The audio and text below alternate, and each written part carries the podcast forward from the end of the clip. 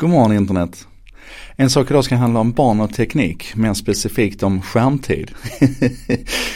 så här, oavsett om vi pratar om nätmobbing eller vi pratar om mobilförbud eller porrfilter så finns det en forskare som alltid står upp för barnen i det här. Hon är klok, hon är eftertänksam, hon är alldeles underbar. Och den fråga som hon förmodligen är mest trött på av alla frågor, den passade jag på att ställa på henne när jag träffade henne på eh, bokmässan. Möt Elsa Dunkels. Elsa Dunkels. Vad säger du till oroliga föräldrar när de frågar dig hur mycket skärmtid ska mitt barn få? Mm. Jag brukar försöka vara lite så här, jag säger 20 och så får de bestämma enhet själva. För det blir ett sätt att, att visa på det absurda i frågan. Frågan är felställd. Jag kan inte besvara den på ett vettigt sätt.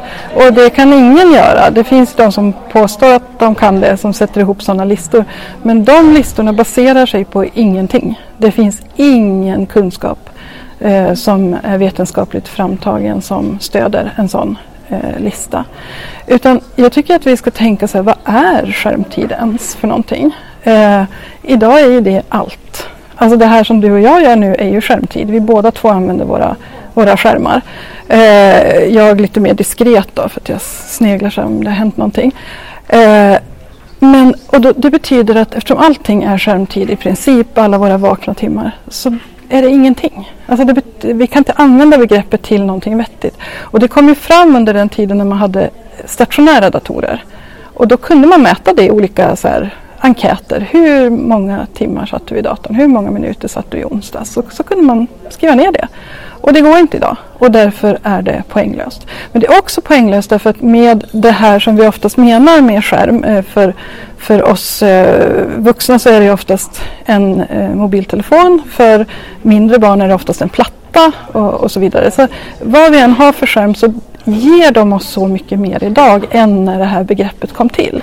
För då kunde det vara så här, men barn spelar spel. Och, och med det så menade man att de gör någonting meningslöst. För barnen var det inte meningslöst då såklart, utan det var ju ett, ett frivilligt val att göra det för att det gav någonting. Men idag så har vi ju så många kontakter via mobilen. Vi kan hitta stötta varandra, vi kan kolla upp saker. Det var ju många år sedan man gjorde sådana saker som satt och gissade hur gammal en skådespelare är. Det behöver vi inte göra längre. Det är så mycket saker som händer i, i de här. Så det är bara att, att inse att det här är en del av vårt liv idag. Det är, eh, och eftersom det är en del av vårt liv, eftersom eh, mycket av livet eh, sköts via skärmen, då måste vi tänka på det kan vi, kan vi säga så? Kan vi säga så att det är det bra eller dåligt? Tillför det någonting eller tillför det ingenting? Så säger vi inte om livet. Alltså att man säger så här, ja livet är ju lite farligt men ibland kan det vara bra. Alltså, det, vi är på den nivån idag att, att, att eh, skärmar är eh, en integrerad del av allas liv och vårt sociala liv och så vidare. Så att vi måste uppvärdera skärmtid och inse att här ha, kan vi ha eh, viktiga kontakter. Vi kan ha eh, kärleksfulla kontakter. Vi kan bråka med folk. Vi kan lära oss saker. Vi kan ha roligt. Det är ingen skillnad på på eller utanför skärmen. Annat än att vissa personer har fått det mycket bättre.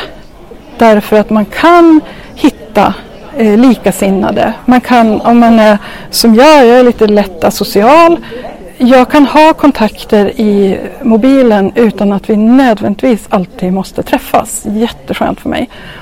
Eh, och, och, det finns många sådana fördelar. Sen finns det de som, som råkar illa ut i, i, i livet via en skärm. Men det hänger på andra saker och därför så tycker jag att det viktigaste vi kan göra är inte att fråga oss hur länge kan man sitta. Det viktigaste är att inse att även barn och ungdomar är individer. Så det vi ska göra är att titta dem i ögonen och agera på det vi ser. Hur mår det här barnet?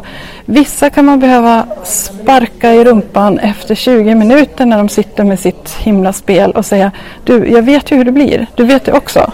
Vi, nu gör vi så här.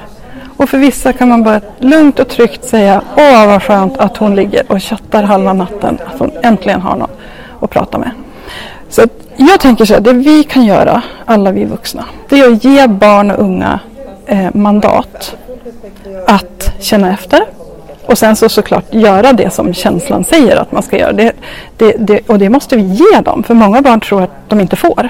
Eh, de tror att de måste lyda, de måste tala sanning alltid och så. De förstår inte att man kan gå på hur det känns också. Vi måste också ge dem mandat att våga fråga oss.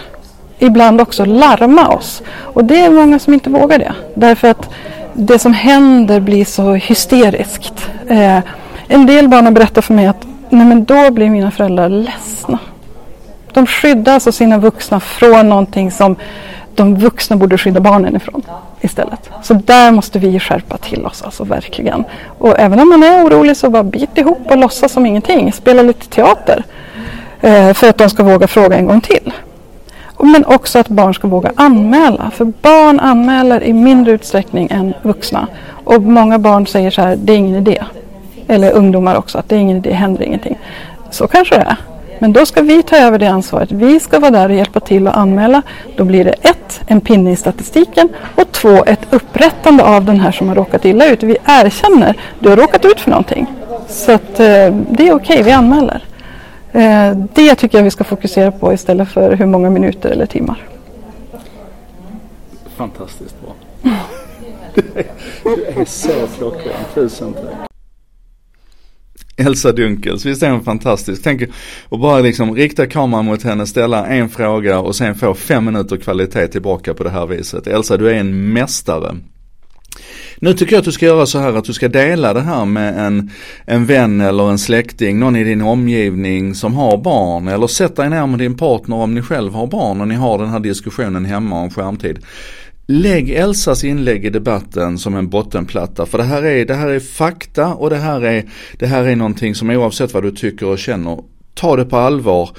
Och ni behöver naturligtvis inte göra på samma sätt allihopa där ute. Men ta med det här i diskussionen i alla fall. För det här är viktigt på riktigt, en av våra viktigaste frågor. Vi kan förstöra så mycket i relationen mellan barn och vuxna om vi inte hanterar den här frågan om skärmtid och teknik på, på det sätt den förtjänar utan att det blir så enkelt och banalt bara. Gör nu det här, dela, diskutera och så ses vi på måndag igen. Tusen tack.